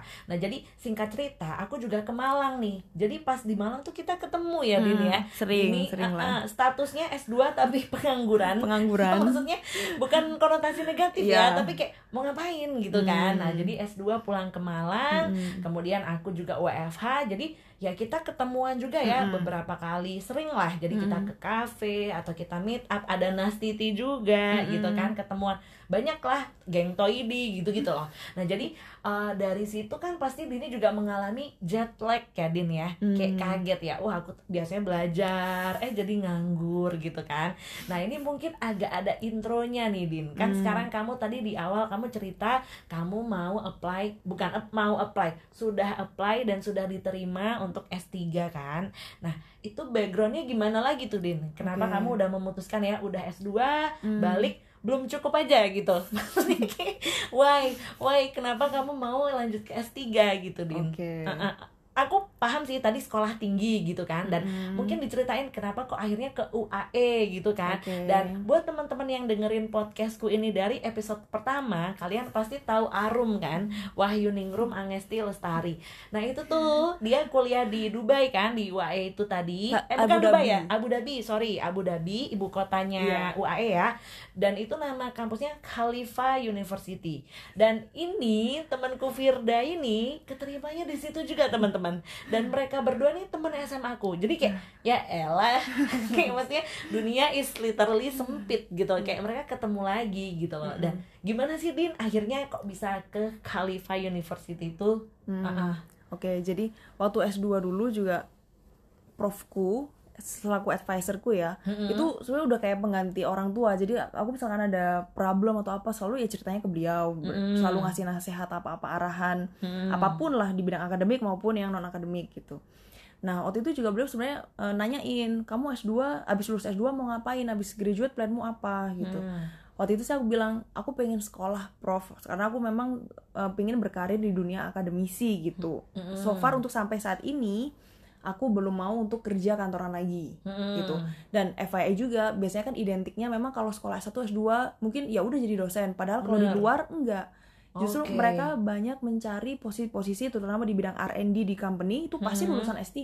oh Mana iya kayak gitu Oh, karena oh, kan oh. benar-benar memang riset dan development gitu kan. Iya, literally ya Iya, cuman mungkin kalau di Indonesia mungkin masih banyak yang berpikiran kalau sekolah tinggi tuh ya pasti ujung-ujungnya di dosen. Dosen. Padahal enggak, banyak UUD banget. ya Din UUD ujung-ujungnya dosen Padahal enggak gitu juga gitu kan.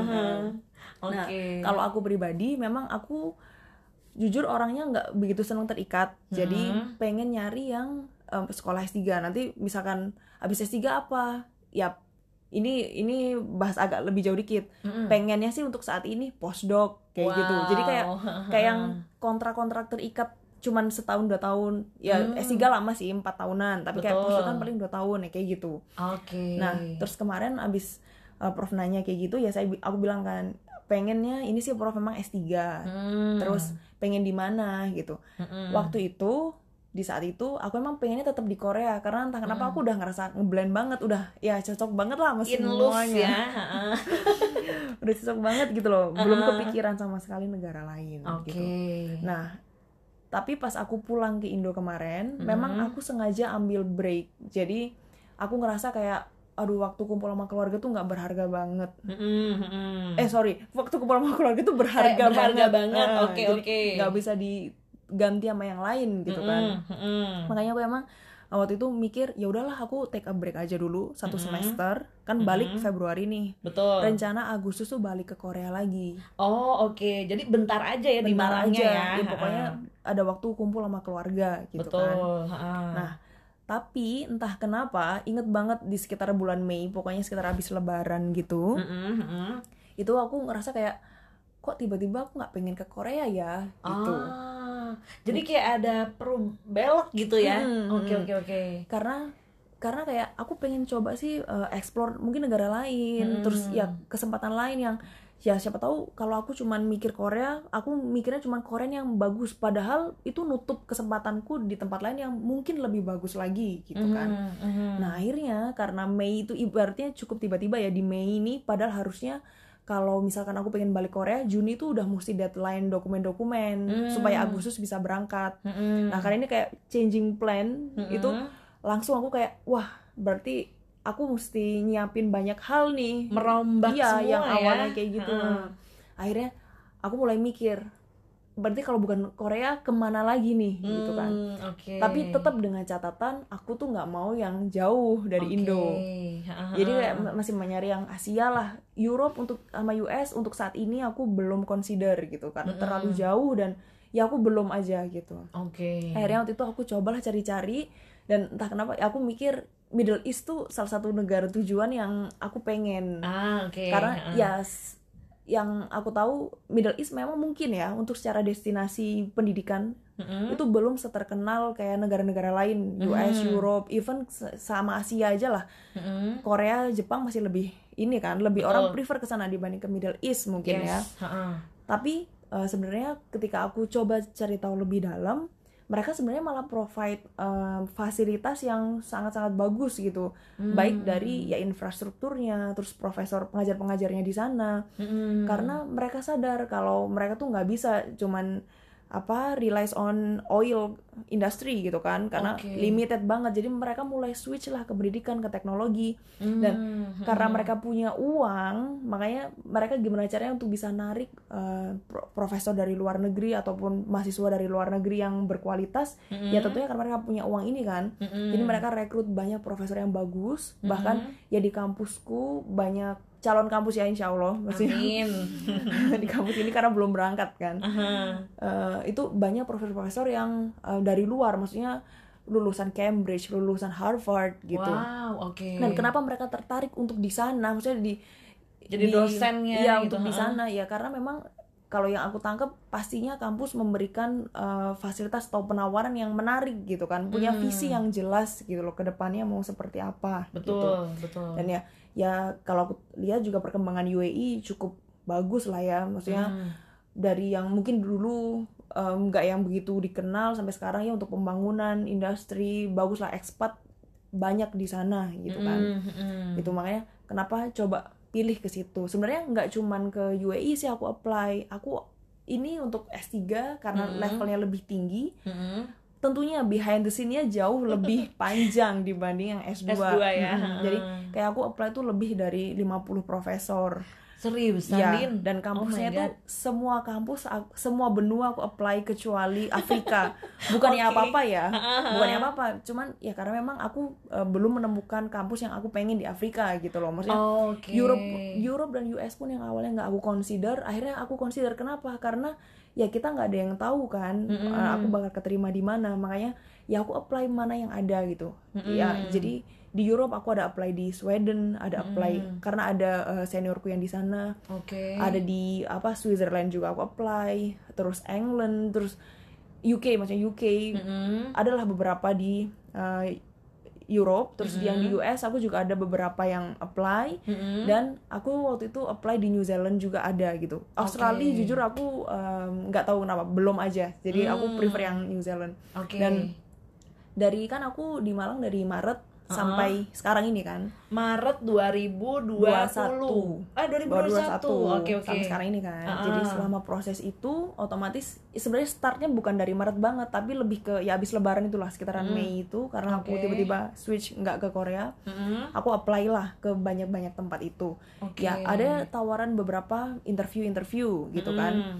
tapi ketika dapat interview yang di US terus kayak yang di UK eh sorry di Europe Mm-mm. setelah dapat interview itu aku ngerasa kayak aduh ini beneran aku cuman pengen pengen beneran sekolah di sana atau ya udahlah cuman gara-gara aku masih nggak jelas makanya apply ke sana gitu aku Hmm. pengen pengen ngelurusin niat lagi lah Oke. Nah, tapi karena emang aku mikir kalaupun aku misalkan keterima Uh-uh. kayaknya aku bakal berat untuk berangkat kalau ke sana Ah, nah itu ya udah oke. aku coba eh, lebih kayak eh, apa kecilin lagi pilihanku Mm-mm. terus aku fokus ke UAE itu Oke. dan ada New Zealand aku masih fokus waktu itu Heeh. terus ada di Arab aku juga apply di Arab Oke.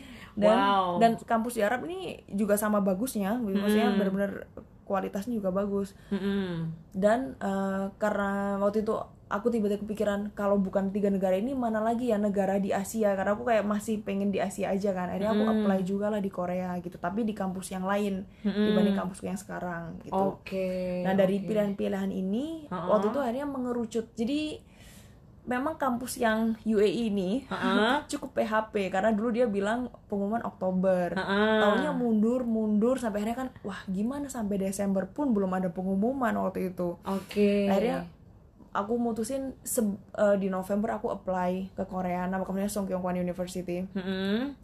Terus em, alhamdulillah profnya responnya baik gitu dan kebetulan untuk bidangnya sih aku masih sama di healthcare healthcare itu. Mm-mm. Tapi untuk yang di Korea eh, profnya backgroundnya tuh dokter, benar-benar medical doctor gitu. Jadi Oke. kalau misalkan aku keterima di sana, aku kerjanya ya bareng beliau di Ha-ha. lingkungan rumah sakit. Oh, lagi-lagi Gitu. medical ya. ya masuk ke Oke. emergency department kayaknya emang kayak masih apa ya Belum disuruh move on belum bisa sebenarnya. move on dari medical gitu ya pengen aja kerja bareng dokter kayak apa sih karena emang masih nyambung sih gitu Benar. Oke, Din Din, sorry, ini kalau aku lihat, ini kan aku lagi ngerekam nih teman-teman ya. Ternyata ini kalau dari aplikasi yang aku pakai sekarang itu tuh maksimal recordnya satu jam. Oke. Jadi it's okay, nggak apa-apa. Ini kita bisa lanjut, tapi aku harus save dulu nih segmen yang ini. Jadi tunggu ya teman-teman. Ini kalau di teman-teman nanti cuma beberapa detik doang sih. Jadi tadi sampai di yang Korea ya, Din. Di Korea S3 eh, medical tadi ya. Oke, ini aku coba pause dulu ya teman-teman. Kita lanjut dalam beberapa beberapa detik lagi. Oke, kita kembali nih teman-teman. Sorry ya, ada sedikit ganggu, bukan gangguan teknis sih ya, break aja lah ya. Jadi tadi di uh, di Korea ketem apa keterima ya Din, tapi uh, itu itu pun nggak disuruh move on dari FK gitu, karena uh, masih terkait dengan bidang medical gitu sebenarnya Din. Oke, sip sip, lanjut Din. Nah, jadi ya itu uh, waktu itu memang jujur Desember tuh masa-masa galau banget. Sebenarnya nggak cuma Desember sih, ya dari setelah uh, ngumpulin yang di UAE ini galau banget karena nungguin kan, kapan interview, kapan ini gitu kan. Terus sampai Desember tuh aku belum dapat kabar sama sekali gitu. Maksudnya dari UAE belum ada kabar sama sekali. Kalau yang di Korea sudah mulai positif lah. Maksudnya tinggal ngurusin yang administrasi. Which is tuh aku nggak begitu khawatir karena pengalaman sebelumnya kan di Korea asal prof udah oke, administrasi cuman formalitas kan gitu. Betul. Yap. Mm-mm. Nah, terus em, di Desember itu waktu itu galau-galau banget. Jadi aku cari kayak ada kan forum untuk graduate student gitu, Ah. kan. Aku cari Khalifa nih kapan sih pengumuman gitu kan. Mm, Karena kalau aku lihat Arum waktu itu dia tanggal 20-an Desember udah pengumuman. Oke. Aku kok masih belum ada tanda-tanda. Aku apply juga sih sebenarnya ke kampus. Maksudnya aku aku email ke kampusnya juga. Statusku sih katanya masih under review, tapi ini tuh udah Desember gitu loh dan aku tahu per 17 Januari tuh udah kuliah gitu. Jadi kayak Hah, gimana Mepet sih? banget, Nah, ah. kayak gitu. Ah. Nah, akhirnya sampailah suatu waktu itu di tanggal 25 Desember aku Hmm. cek aku udah mau di Twitter. Ada orang yang Twitter ya? iya, Oke, ada ha. orang yang ngepost kalau dia keterima di Khalifah, Oke. tapi beda jurusan sama aku. Terus di situ aku langsung, oh berarti aku nggak keterima nih gitu. Cukup tahu Iya. gitu ya. Terus tapi waktu itu aku tunggu sampai dua hari untuk meyakinkan lah, Oke. gitu. Dan itu dua hari yang kayak terpanjang, salah satu dua hari terpanjang dalam hidup gitu. Karena aku Oh, belum gitu cerita, ya? aku belum cerita ke Wow. siapa-siapa gitu kan. Ah, ah. Itu terus eh, karena aku assume ya udah berarti aku nggak keterima nih kayaknya. Mm-mm. Jadi aku email lah profku yang di UAE kalau kayak Prof, eh, aku tahu ada orang yang udah pengumuman tanggal 25 dan aku nggak nggak dapet sampai hari ini jadi ya Heeh. ya aku rasa aku tidak keterima di proses seleksi ini gitu. Serius? Iya. Kamu email gitu nih? Iya, dan Baru itu- tahu, ha? Dan itu profnya itu eh, bilang kalau em, ya maaf kalau ternyata tidak berjalan sesuai kita ekspektasikan gitu loh. Oh, Tapi wow. tolong tetap apply lagi ya karena beliau beliau ngerasa kalau aku fit gitu. Jadi memang kalau Oke. untuk sekolah tinggi bukan lagi kita em, masalah pinter atau enggak itu bisa kita usahakan tapi Mhm. kita fit enggak sama risetnya gitu Hmm. dan yang aku lihat memang untuk proses beasiswa itu em, intelligence kita tuh paling cuma ngaruh 10% kali Pat kalau aku bisa bilang Serius? 90 persennya itu aku yakin banget bisa confident ngomong itu persistence Oke. jadi kayak yang penting kita ngotot kita tetap mau usaha lagi siapa tahu dengan satu langkah lagi kita eh, bisa dapet kalau kita fa- kita gagal ya udah siapa tahu sekali lagi kita keterima Wow. kalau kita gagal lagi siapa tahu dengan sekali percobaan lagi bakal keterima itu sih jadi kayak Gila. mungkin persistent itu sih yang yang itu karena aku sadar banget banyak teman-temanku yang jauh lebih pintar dibanding aku tapi Hmm. tapi ya mungkin ya memang mereka yang nggak mau sekolah lagi tapi yang memang pengen sekolah tuh persisten sih yang utama ya Mm-mm. gitu Kayak tadi aja tuh teman-teman yang Dini cerita kan 50 lebih profesor. Itu Lebih. tuh kayak satu aja tuh udah panjang loh kata-katanya. Walaupun in the end mungkin kopas-kopas ya Din Hmm. ya tanpa munafik ya kayak Hmm. ya hai I'm Firda Rahmadani bla bla bla gitu kan. Nah, tapi itu tuh udah effort loh teman-teman. Belum tentu kita punya waktu kayak punya niat segitu gedenya kayak Dini ini gitu loh. Jadi Wow, good insight, Din. Kayak perses, eh, sorry, persistence ya, Hmm. yang membuat kamu mendapatkan eh, S3 kamu sekarang dan rasanya itu bisa di-apply ke semua ya, Din. Nggak cuma Hmm. buat kuliah doang kan. Pokoknya di pekerjaan, di mana pun. Hmm. Kayaknya persistence itu memang skill yang apa ya? Bukan skill, behavior yang harus kita punyai, teman-teman. Itu sih yang aku baca juga. Hmm. Iya. Gitu. Oke, kembali lagi ke Dini. ya itu sih kadang aku kayak eh, mikir sel- kalau kita bisa persistence gitu ya kasarnya kayak Allah lama-lama kasihan gitu loh sama kita kayak udahlah Iya dikasih sih. aja lah sama ke anak ini kasihan gitu Iya, Udah iya minta benar-benar. terus, kayak gitu Heeh. itu sih jadi ya balik lagi ya pokoknya akhirnya em, setelah aku email ke prof itu entah kenapa tapi eh, secara feelingku tuh kok aku kayak feelingnya bukan feeling gagal ya gitu Ah, aku oke. email lagi lah akhirnya ke ke admission officernya terus dia Ah. bilang kayak masih under review tetap dibilangnya under review padahal Oh. udah ada orang yang pengumuman dan Oh. biasanya kan untuk untuk pengumuman gitu kan pasti barengan kan Mm-mm. setauku ya gitu Mm-mm. jadi tapi karena admission officernya bilang aku masih under review ya udah aku masih ada kayak secerca harapan nih walaupun Iya. udah mulai kayak ya udahlah aku udah ikhlas kok di Korea tuh aku juga seneng dengan Uh-uh. bidang yang ini udah baru lagi gitu kan Yap, uh-uh. kayak gitu sampai akhirnya di tanggal 5 Januari kemarin Oke. alhamdulillah tiba-tiba di sore-sore yang yang sebenarnya masih galau itu nungguin pengumuman Dua hari yang panjang tadi ya. Itu setelah dua hari yang panjang Oh, itu setelah kan ya, Hmm. ha-ha. 5 Januari kemarin tiba-tiba ada pop up email masuk kalau ya itu congratulations gitu kan diterima maksudnya dapat offering letter akhirnya alhamdulillah tapi lagi-lagi ya karena mepet Mm-mm. jadi bayangin tanggal 17 Januari udah mulai kuliah tanggal 5 baru nerima itu kan Dan belum sekarang FYI sekarang kita record di tanggal berapa Din? 18, 18. Januari. Oke. Terus itu nanti mungkin bisa kita bahas ya. Kenapa kok masih di sini gitu loh? Kenapa Iya. nggak di Abu Dhabi gitu? Iya, ya karena kan ngurusin visa dan sebagainya. Heeh. Makanya ini tujuan ke Jakarta sekarang juga memang lagi ngurus visa dan Mm-hmm. dejavu banget karena dulu 2019 Februari ke Jakarta nginep di kosnya IPET juga ngurus visa ke Korea sekarang Januari 2022 Dua-dua. heeh. ke kos IPET lagi ngurus visa lagi insya Allah ke UAE Mm-mm, jadi kayak Gitu. kalau bagi Dini bener dejavu dan ini kosan aku tuh di Bendungan Hilir teman-teman di Jakarta di Ben Hill jadi kayak gimana ya Din aku juga kayak ketika kamu samperin ke kosan tuh kayak merasakan dejavu juga. Kayak waduh Dini datang lagi nih tapi kali ini journey-nya beda. Dan kalau dari sisi aku juga sama ada perubahan nih. Kayak waktu Dini ke sini 2019 ya Din ya aku pertama kali masuk ke company aku sekarang. Ya lagi Dan proses rekrutmen. Rekrutmen. Jadi kayak Dini di satu sisi juga menyemangati aku teman-teman. Ayo tap semangat pasti bisa keterima interviewnya gitu kan. Jadi kayak I can say kayak kita berjuang bersama ya Din. Ha, di, di di timing yang mirip gitu loh. Dan kemudian ketika kamu datang sekarang ya alhamdulillah bukan gimana teman-teman aku juga mendapatkan kenaikan nih. Maksudnya kayak ada uh, ya gitulah. Jadi kayak ada improvement di pekerjaan aku gitu loh. Jadi kayak aku merasa kayak wah kok semacam berjalan bersama ya Din? Tapi di uh, area yang berbeda kayak gitu. Oke, jadi kalau sekarang kita tahu ya Dini uh, udah keterima alhamdulillah di Khalifa University tadi dan uh, next stepnya apa nih Din?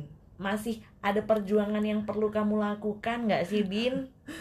ya alhamdulillah podcast ini tanggal 18 Januari eh, resmi dapet visa UAE per hari ini Alhamdulillah. Nggak Jadi- nggak pak nggak ini ya nggak ketunda-tunda ya. ya alhamdulillah Ah. jadi ya insya Allah mungkin mestinya minggu ini harusnya udah berangkat ya karena bisa jadi minggu depan udah mulai offline class karena kan per kemarin masih online kan Mhm. gitu terus FYI aja Ipat naik promote jadi manajer Waduh, waduh, waduh.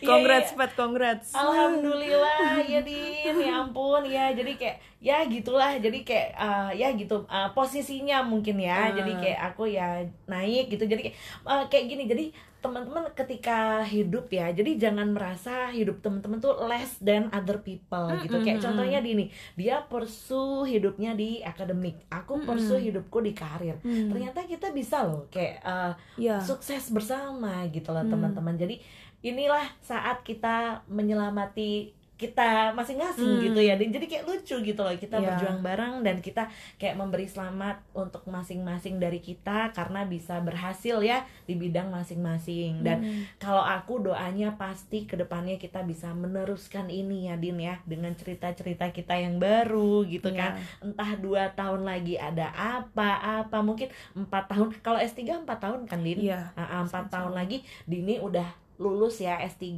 terus nanti apa nih cerita dari akunya Hmm. supaya timelinenya sama gitu Hmm. kan nah kayak Hmm. gitu oke so far kayak gitu dan eh, S3 setelah S3 kamu tadi sempat mention postdoc masih ada energinya tuh Din di situ Din siap berjuang lagi Din ya itu kan planning ya pet namanya juga Aha. planning kan gitu Ah, ah. ya niatnya sih gitu karena ya apa ya untuk untuk berkarir di akademik Mm-mm. pengen sih sebenarnya jadi dosen Mhm. dan FYI kemarin juga sempat sempat apply dosen juga sih Mhm. gitu cuman akhirnya nggak diambil karena ya adalah pertimbangan-pertimbangan yang aku milih lebih milih untuk sekolah lagi gitu kan ah. terus untuk ke depan ya sebenarnya masih jauh orang S3 aja aku belum mulai gitu kenapa kenapa udah bahas postdoc cuman kalau yang bisa aku lihat kayak 10 tahun ke depan nih aku mau apa ya yang jelas mau S3 selesai kalau bisa Mhm. postdoc ya bisa postdoc terus Mhm. aku tuh sebenarnya kalau balik ke Indo pengen kerja kayak di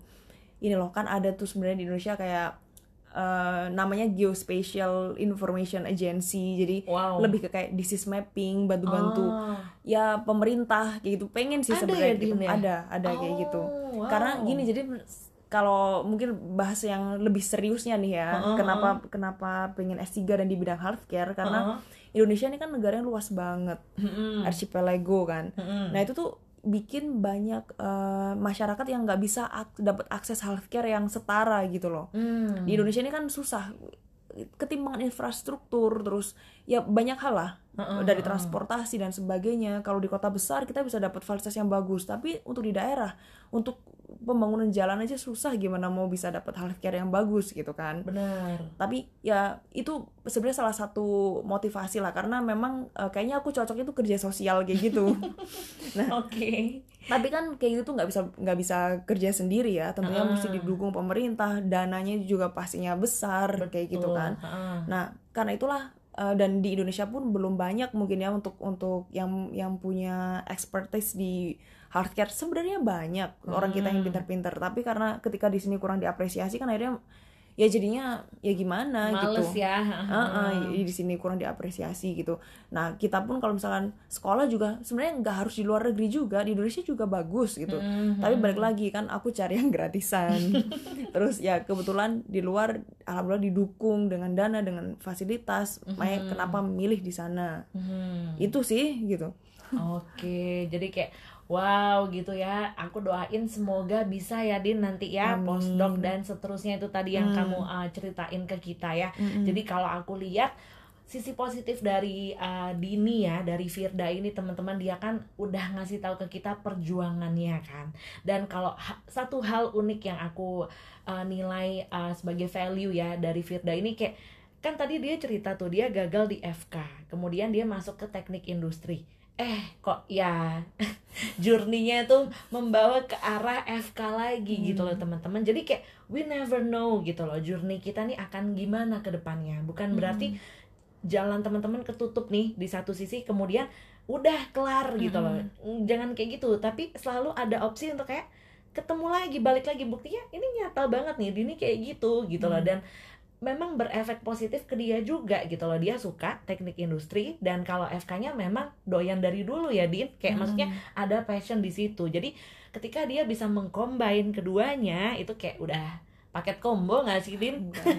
Boleh nambahin satu nggak? Boleh dong, boleh. Apa tuh? Jadi gini, eh, selalu percaya kalau apa yang jalan hidup yang ditakdirkan Allah ke kita itu yang terbaik gitu. Mhm. walaupun itu memang butuh waktu yang lama. Kalau sekarang kita cerita mungkin enak aja ya, tinggal cerita ke kalian dulu sambil senyum-senyum gini kan. Mm, Tapi mm. memang dulu aku down banget waktu nggak keterima S1, Mhm. nggak keterima kedokteran, sempet Mhm. gap year juga.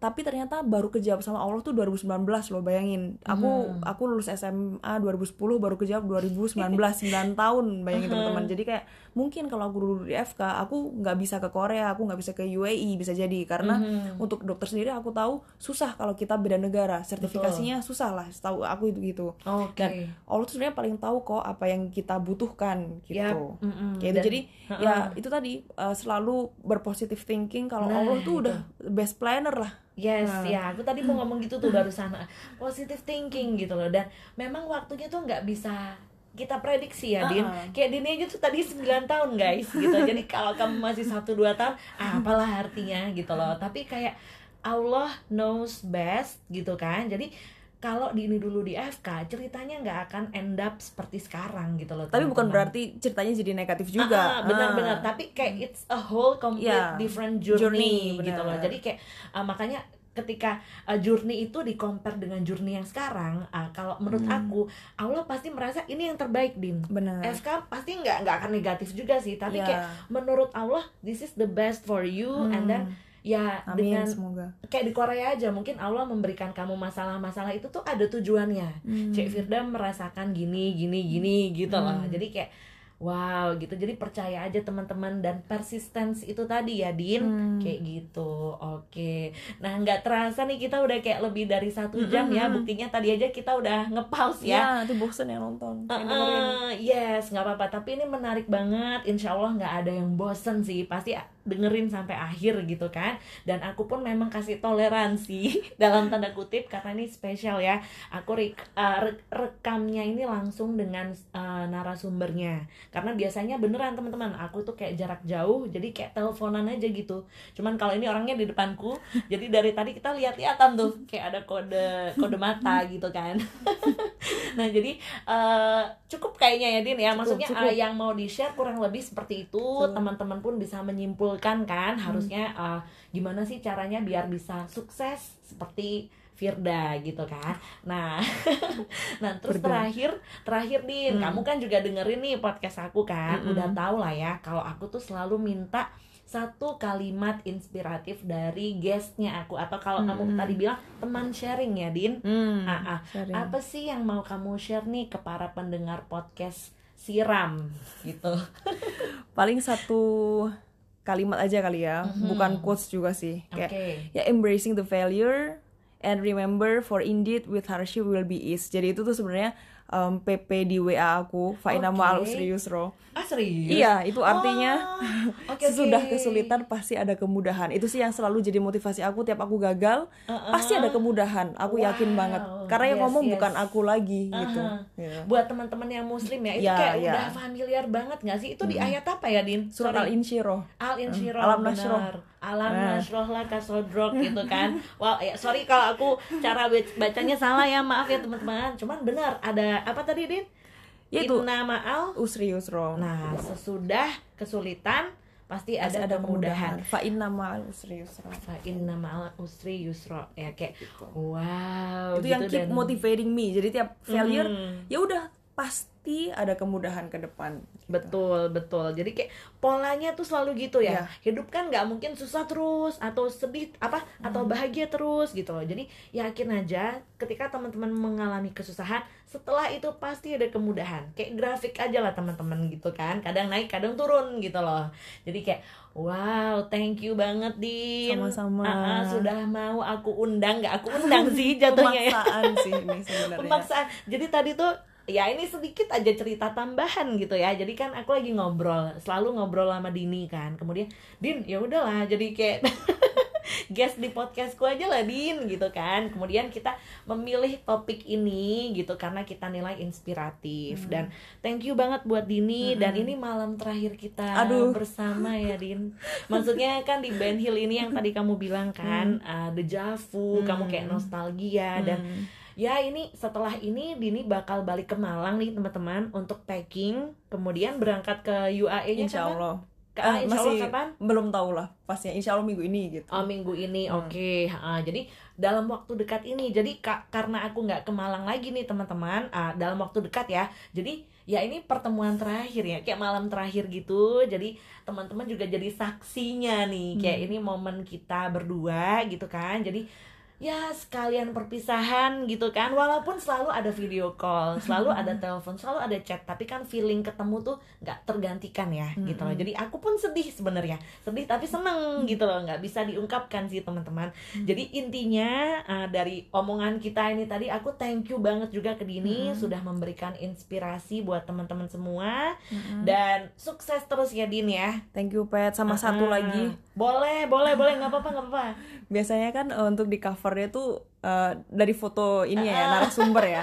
Tapi jujur emang aku nggak suka selfie dan nggak ada selfie di HP ku. Jadi nanti aku Ah. kasih foto yang aku ambil sendiri waktu di Korea deh. Gitu. Oke gitu ya, Ah. boleh nggak apa-apa. Aku mah bebas gitu kan, tergantung dari guestnya gitu kan, requestnya.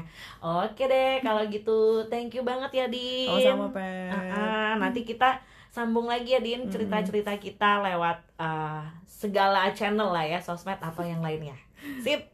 Oke, bye-bye teman-teman. Thank you udah dengerin.